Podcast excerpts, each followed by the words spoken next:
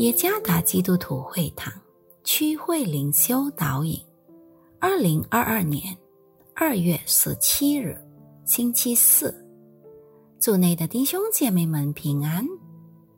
今天的灵修导引，我们将会借着圣经《约翰一书》第四章十一节来思想今天的主题：因被爱而爱。作者。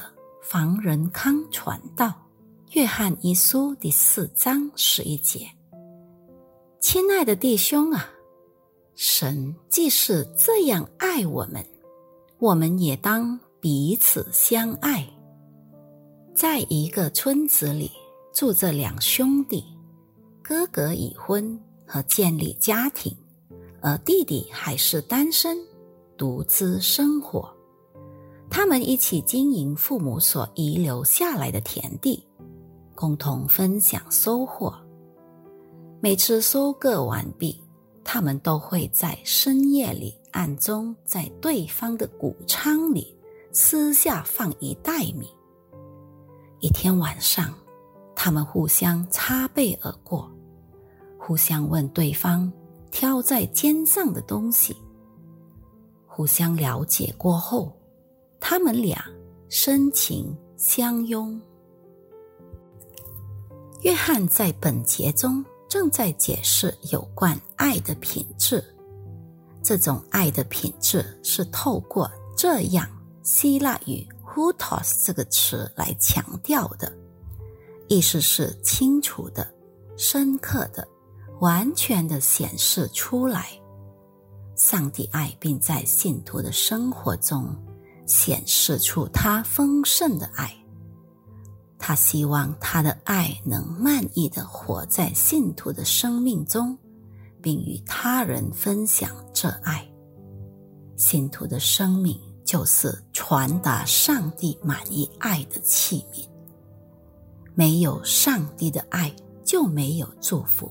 上帝之爱的同在，通过彼此相爱。将会带来祝福。分享爱并不是一种选择，而是一种义务，就如偿还债务一样。偿还债务也并不是一种选择，而也是一种义务。义务是指从内部为此付出应当的责任。同样的。爱他人不仅仅是提供劝告或鼓励，更是一种责任，一种义务。如果没把它完成好，那它就会成为未偿还的债务。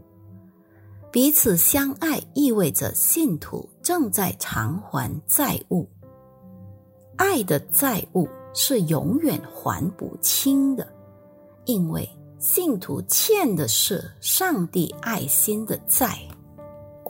灵修导演开头两兄弟的故事实在是非常触动人心，也教导了非常宝贵的功课，尤其在兄弟亲情这方面。另一方面，这个故事也教导分享爱的美好生活，不受时间。家庭条件和周围环境的限制，兄弟啊，分享爱不仅仅是履行义务而已。总而言之，我已经做了。分享爱则是信徒在生活信仰上的责任。爱的行动作为信仰实践的一种，是必须自行的。倘若我们不遵行，那么我们就违反了爱的法则。雅各也表达了这一点：人若知道行善却不去行，这就是他的罪了。